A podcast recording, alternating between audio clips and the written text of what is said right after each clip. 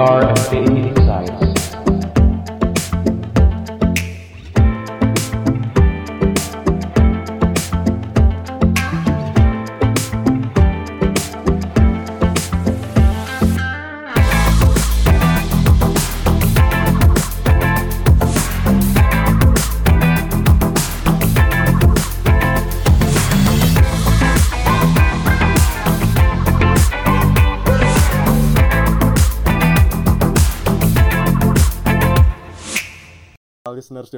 kalian berada, jumpa lagi bersama gue Wildan di podcast MTI Insight. Oke, jadi um, beberapa hari yang lalu gue coba baca-baca isu dan ada satu isu yang kemarin membuat gue uh, istilahnya apa ya, tertrigger gitu kayak uh, ada kasusnya tuh mau di Ayunda yang lagi berantem sama pacarnya live di IG terus kayak wow viral gitu dan gue berasa wah kayaknya asik nih kalau misalnya bikin isu yang viral juga tapi bukan gue pengen ngeviralin kondisi gue dengan pacar gue karena gue juga nggak punya pacar di sini oke teman-teman oke jadi gue pengen ngangkat isu soal mobil listrik nih teman-teman dan gue kedatangan satu tamu yang spesial banget karena di podcast edisi ini MTI berkolaborasi dengan himpunan jurusan lain di ITB yaitu IMMG. Ada Ical di sini. Halo Cal. Halo, halo. Nah, Ical ini nih dia kadep kajian keilmuan. Perkenalan Boleh- dulu mungkin- ya, mungkin. kenalan dulu kali Cal. Ya, jadi kenalin para pendengar. Jadi nama aku Farizal Sirnanda dari Teknik Metalurgi 2017. Jadi di IMMG sendiri aku be- eh, menjabat sebagai ke- kepala Departemen Kajian Keilmuan. Ini kayak inilah kayak Aldinya Aldinya MTI lah, eh Aldinya IMMG lah gitu.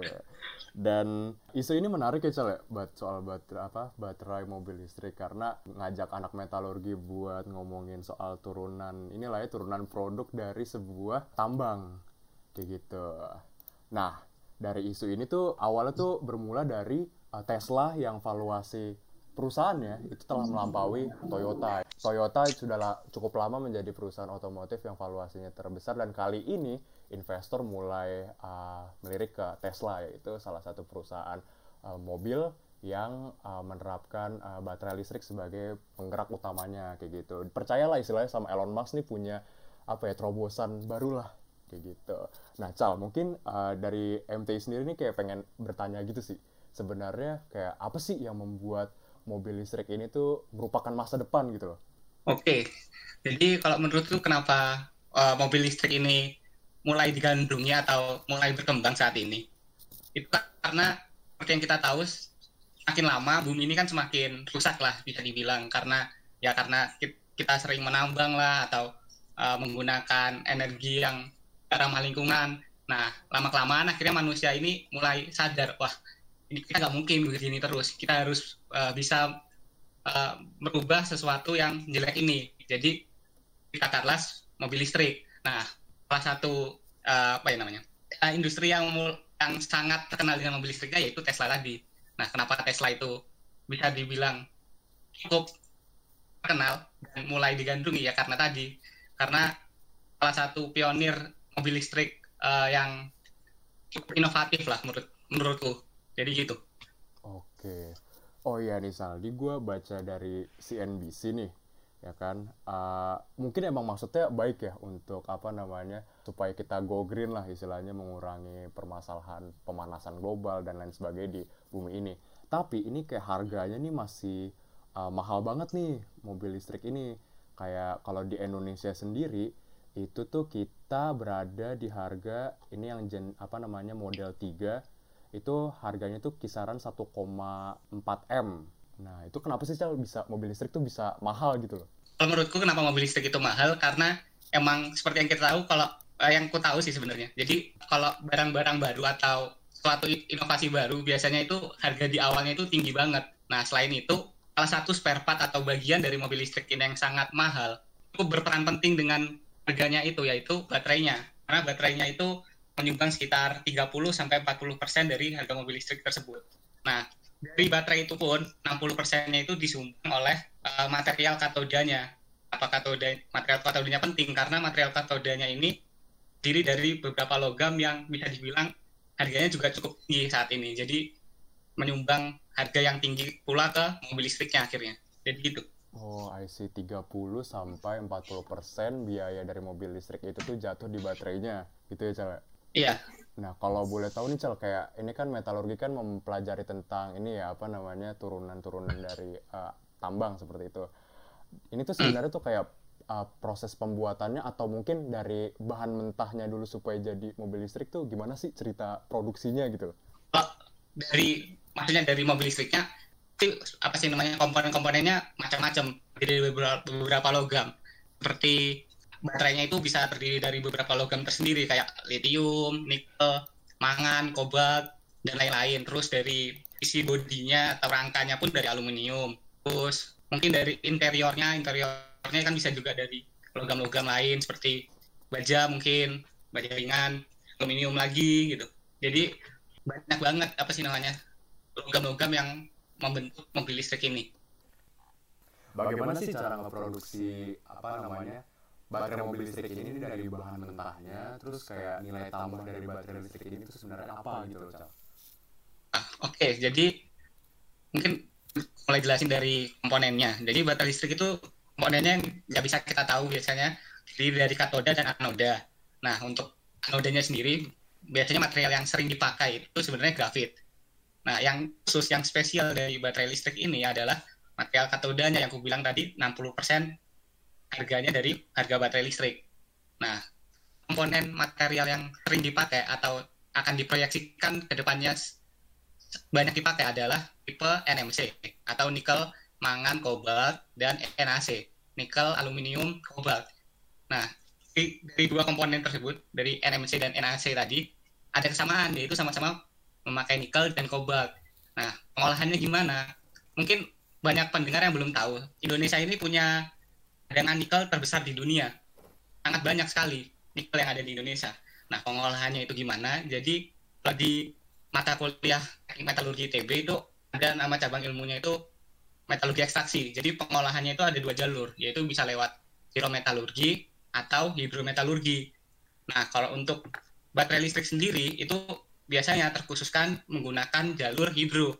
Jadi nikel yang ada di biji yaitu nikel oksida diolah jadi logam nikel dulu atau nikel hidroksida atau mix mix hidroxide kita apa MHP lah nama nama singkatnya nama kerennya lah.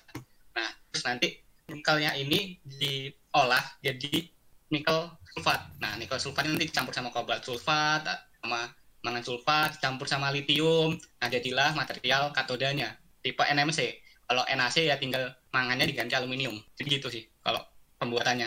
Nah, nilai tambah dari NMC ini sendiri, padahal kan NMC ini terdiri dari beberapa komponen, beberapa logam. Harganya itu bisa 1,1 hingga 1,2 kali dari harga nikel murni. Jadi itulah yang jadi uh, nilai tambah tersendiri dari pengolahan baterai listrik ini.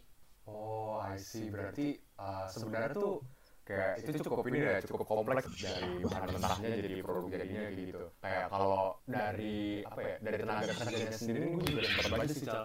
Soal TKA uh, diizinkan masuk oleh pemprov Sulawesi Tenggara. 500 TKA dari Cina masuk ke Konawe itu supaya uh, ikut bekerja lah di PT Virtu Dragon Nickel Industry. Nah itu uh, sebenarnya tuh kaitannya apakah karena uh, sekompleks itukah supaya kita membutuhkan tenaga kerja asing kesiapan dari tenaga kerja Indonesia untuk memproduksi baterai listrik itu menurut tuh udah sejauh apa gitu? Kalau yang TKA masuk ini, setauku itu buat bangun bangun smelter, emang smelter tapi bukan tujuannya memang bukan baterai listrik. Mereka masih tujuannya itu bikin stainless steel. Oh, berarti PT PDN ini bukan ini ya bukan produksi baterai listrik ya, tapi lebih ke campuran aluminium seperti itu ya. Iya, jadi, jadi sebenarnya mereka itu lebih fokus ke saat ini masih berfokus ke produk jenis stainless steel, baja tahan karat gitu. Mungkin depannya memang akan membuat uh, plan untuk membuat bahan baku baterai listrik, tapi untuk saat ini yang 500 TKA itu diproyeksikan untuk membangun smelter untuk pembuatan uh, stainless steel. Kalau smelter buat apa produksi baterai listrik ini udah ada belum di Indonesia? Sorry ya, listeners juga riset gue kurang ini kurang apa kurang teliti nih. Nah jadi buat informasi aja, jadi sampai saat ini itu yang bisa atau yang sudah menghasilkan bahan baku untuk baterai listrik itu sangat sedikit masih saat ini. Karena seperti yang aku bilang tadi, jalur pengolahan nikel itu ada yang pyro lewat smelter atau hidro kayak HPAL namanya, high pressure acid leaching. Jadi yang HPAL ini masih jarang di Indonesia karena uh, Indonesia dulu-dulunya itu masih belum ke baterai listrik, masih ke pembuatan bajatan karat, terus ya sejenis itulah buat namanya nikel level level 2. Jadi belum buat yang nikel level tinggi yang nikel murninya Oh, iya. banyak dipakai gitu. Jadi masih masih sedikit lah dari pro- dari proyeksi ESDM pun mereka itu masih ngejar yang smelter belum yang expal. Yang expal itu Oh. masih sedikit masih sekitar limaan gitu. Dan itu masih belum maksimal juga belum optimal juga eh, produksi bahan baku mobil listriknya. Oh berarti kalau buat produksi massal tuh buat baterai listrik ini sendiri tuh bahkan belum belum ada rencana lah ya di Indonesia gitu ya. Mungkin lebih ke uh, regulasi udah ada nih, tapi belum belum dieksekusi ke ininya ya ke bentuk pabriknya gitu ya. Iya, karena eh, setahu eh, pabrik untuk pengolahan bahan baku baterai listrik ini cukup mahal di eh, investasinya dan di operasionalnya juga itu. Pantes lah ya apa namanya baterai listriknya sampai 30% dari mobil listriknya sendiri ya operasionalnya itu susah tuh. Iya. Buat apa namanya jadi produknya. Oke, kalau dari ITB Cal ada ini nggak sih? Ada udah ada rencana belum sih buat ngelakuin penelitian terkait ini? Eh, kalau setahu di TB di TB ini mulai 2017 sebenarnya Kemenristek itu udah kayak me- mendorong untuk membuat eh, tek- eh, mobil listrik. Nah, salah satu perguruan tinggi yang diajak atau diikutkan dalam proyek ini adalah ITB. Nah, aku juga di 2018 ITB, UNS, Undip, Unsri dan PTN lainnya itu bekerja sama sama MIT untuk meneliti tentang baterai listrik ini dan untuk khususnya di metalurgi di prodiku sendiri itu lab hidrometalurgi itu tahun ini itu mulai eh, mengembangkan atau mencitesis untuk menciptakan nikel sulfat atau membuat nikel sulfat ini sebagai bahan baku atau mobil listrik tadi. Jadi eh, ITB mungkin sudah mulai mengarah ke sana lah. Ini soalnya ada beberapa ini sih kayak apa ya regulasi yang dibuat pemerintah tuh gue baca di sini ada uh, Kepres nomor 50 tahun 2019 tahun lalu itu mulai ini ya mulai apa namanya uh, dikasih lah nih Presiden Jokowi mulai ngasih insentif buat ayo coba lo bikin gimana caranya supaya Indonesia ini produksi mobil listrik berarti sekarang emang udah ada inilah ya udah ada penelitian yang arah ke sana gitu ya. Ya, Oh, kalau ini Cal, kalau misalnya ini nih, kan udah mulai masuk ke tahapan penelitian nih. Sebenarnya tuh mahasiswa tuh dilibatin nggak sih? Terutama anak-anak teknik metalurgi ITB deh. kalau dari mahasiswa sih dilibatin sih khususnya buat yang tugas akhir di laboratorium hidroelektrometalurgi itu. Jadi udah mulai dikasih kayak eh, topik-topik riset tentang itu mengarah ke sana gitu kayak eh, riset-riset mengenai sintesis nikel sulfat atau kobalt sulfat gitu buat bahan baku baterai. Terus juga kadang ada juga yang eh, kerjasama sama industri gitu. Jadi mahasiswa udah mulai dilibatkan juga mulai dari TA gitu. Kalau ini Cal, beralih ke, kan tadi kan kita ngebahas tentang baterai mobil listrik dan gimana fungsinya. Kalau Hmm. dari nikel sendiri, tadi gua uh, tertarik banget sih sama pernyataan lo yang bilang kita tuh merupakan uh, sumber daya uh, alam yang punya nikel nih, tambangnya paling besar di dunia nih. ya kan sebenarnya tuh kalau uh, dari pandangan lo nih kayak nilai tambah nikel lainnya dan potensi industri di Indonesia tuh gimana? Jadi kalau nilai tambah nikel lainnya selain baterai listrik sampai saat ini itu yang cukup digencarkan sama Indonesia itu ya yang tadi gue bilang kayak PT VDNI, terus PT IMIP kalau tahu itu ya produknya itu stainless steel. Stainless steel kan banyak juga kegunaannya bisa buat sendok, bisa buat material tangki atau apa pun itu. Terus selain itu nikel juga bisa digunakan buat eh, bahan baku paduan di tangki gas. Kalau tahu LNG, tangkinya itu dipadu sama nikel karena kalau nggak pakai nikel itu materialnya itu bisa pecah dengan mudah karena suhunya itu kan rendah banget kalau mau apa mencairkan gas gitu. Jadi ini ya apa namanya jadi komponen penting ya nikel ini tuh. Hmm. Jadi sejalan ya Isal, sama apa namanya kan kita tuh udah dilarang Indonesia buat ekspor biji nikel nih yang masih yang masih belum ada nilai tambahnya itu dilarang ekspor Kayak gitu kan Eh, apa namanya ada peraturannya gitu jadi emang sekarang tuh Indonesia lagi gencar-gencarnya meningkatkan nilai tambah dari nikel itu sendiri supaya bisa eh, meningkatkan pemasukan negara Iya, bagi pendengar yang belum tahu, jadi harga nikel sekarang itu nikel murni itu 14.000. Ini harga nikel biji itu cuma 22 dolar per ton atau sekitar 30 sampai 40 dolar per ton.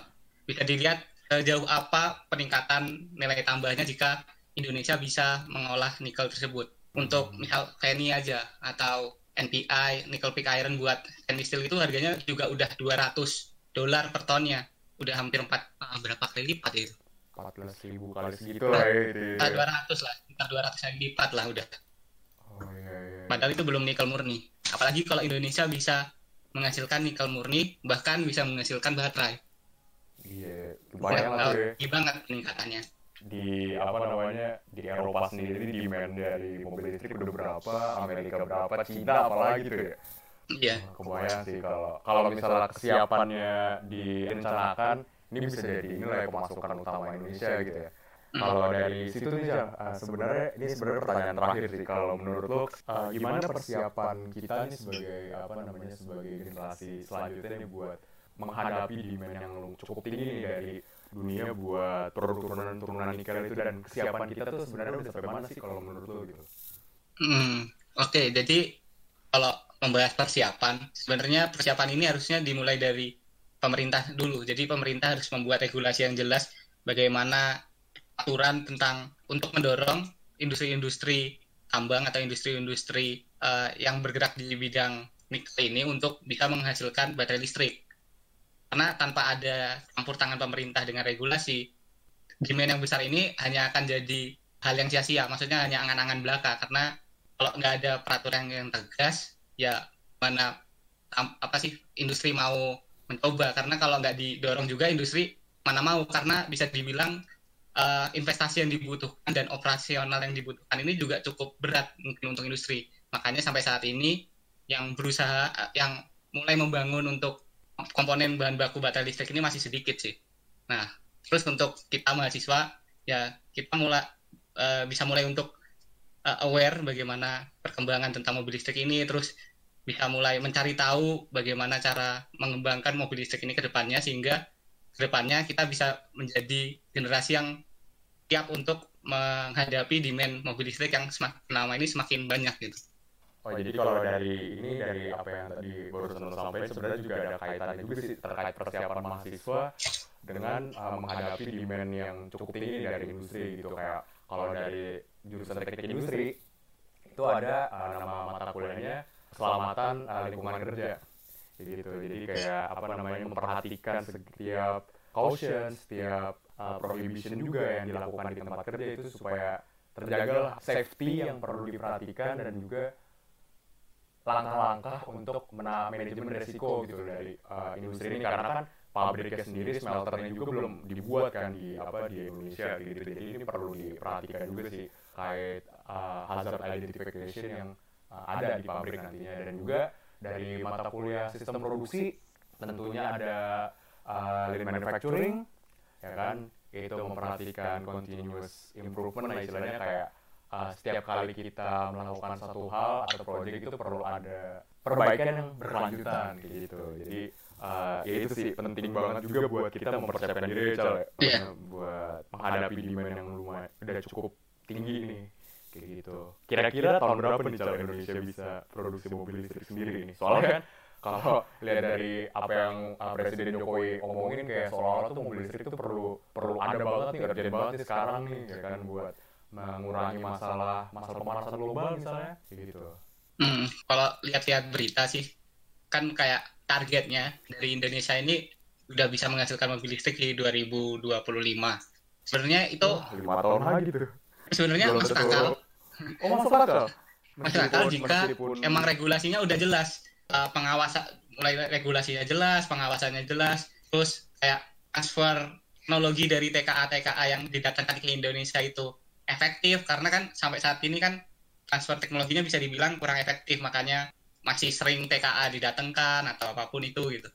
Nah jadi sebenarnya itu masuk akal ketika uh, regulasi dan pengawasannya udah siap. Tapi kalau lihat keadaan sekarang, menurutku 2025 itu masih masih belum cukup lah. Mungkin di Untuk kondisi ideal 2030-an tidak atau lah ya. 2040. Oh Iya. iya iya berarti iya. iya. Mungkin sekitar 2030 2000 2000 rentang 2030 sampai 2040 bisa selama uh, regulasi-regulasinya sudah mulai dikerjakan, pengawasannya sudah mulai diketatkan gitu.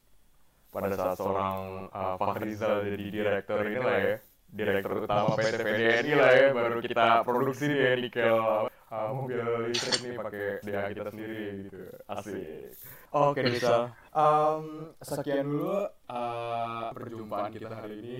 Kan udah banyak banget nih insight yang uh, gue pribadi jujur kayak ternyata kita masih butuh banyak persiapan dari segi apa sumber daya manusia dan juga dari uh, regulasi pemerintah juga perlu didukung iklim perindustriannya dan nikel ini punya potensi yang sangat besar buat jadi tuan negara kita sendiri bisa jadi uh, roda utama ekonomi kita gitu apalagi di tengah pandemi sekarang juga kan. kayak perlu banget kita mikirin cara supaya kita bangkit lagi dari keterpurukan ekonomi inilah istilahnya kayak gitu. Oke deh. Um, thank you banget Sal udah datang di MT Inside Podcast. Oke, makasih juga udah uh, mau mengundang kami dari MMG yang aku wakilin gitu. asik banget nih kawan-kawan collab lagi lah ya. Oke, siap. oke deh. Yuk. Ya, buat penutup, karena di MT Insight, anyone can think anytime.